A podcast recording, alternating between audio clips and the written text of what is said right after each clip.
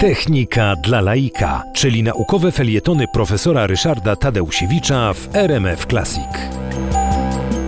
Węgiel kamienny, węgiel brunatny, to są wszystko paliwa nieodnawialne, czyli po prostu jak wyczerpiemy ich zasoby, no to po prostu już tych, tych, tych paliw mieć nie będziemy. Jest to e, perspektywa dosyć e, groźna. Natomiast istnieją e, odnawialne źródła energii i parę słów chciałem na nich temat dzisiaj powiedzieć. Odnawialne źródła energii mogą być związane z energią płynącej wody, z energią wiejącego wiatru albo z energią słoneczną, która dociera do Ziemi no, nieustannie ogrzewając nas i powodując wzrost roślin. Okazuje się jednak, że e, odnawialne źródła energii, pomimo że bardzo byśmy chcieli, aby zastąpiły te źródła nieodnawialne, czyli te kopalne, mają ograniczenia.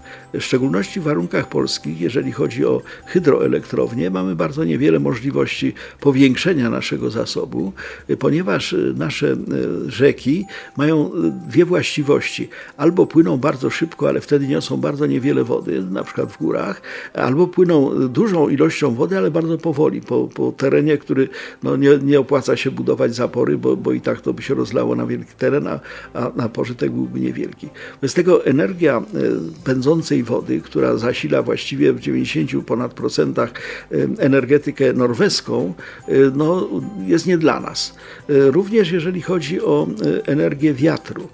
Akurat Polska nie jest krajem szczególnie wietrznym, a z kolei budowa tych ogromnych wiatraków, które przemieniają energię wiatru na prąd elektryczny, podlega szeregowi ograniczeń. Niektóre z tych ograniczeń chyba nawet są zbyt drastyczne, no ale faktem jest, że trudno jest pokryć cały kraj wiatrakami, no bo y, mają one także swoje złe strony.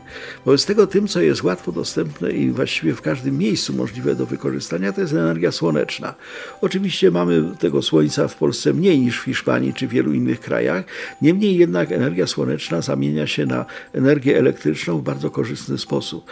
Dostępne są tak zwane ogniwa fotowoltaiczne, które przemieniają właściwie tą energię no, z bardzo wysoką sprawnością, no a potem odpowiednimi tak zwanymi falownikami można tą energię wprowadzić do domowej i nie tylko domowej, także tej ogólnej sieci energetycznej.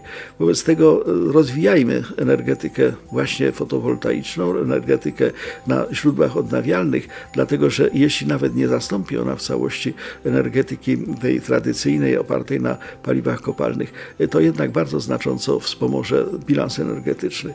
Wobec tego stosujmy fotowoltaikę.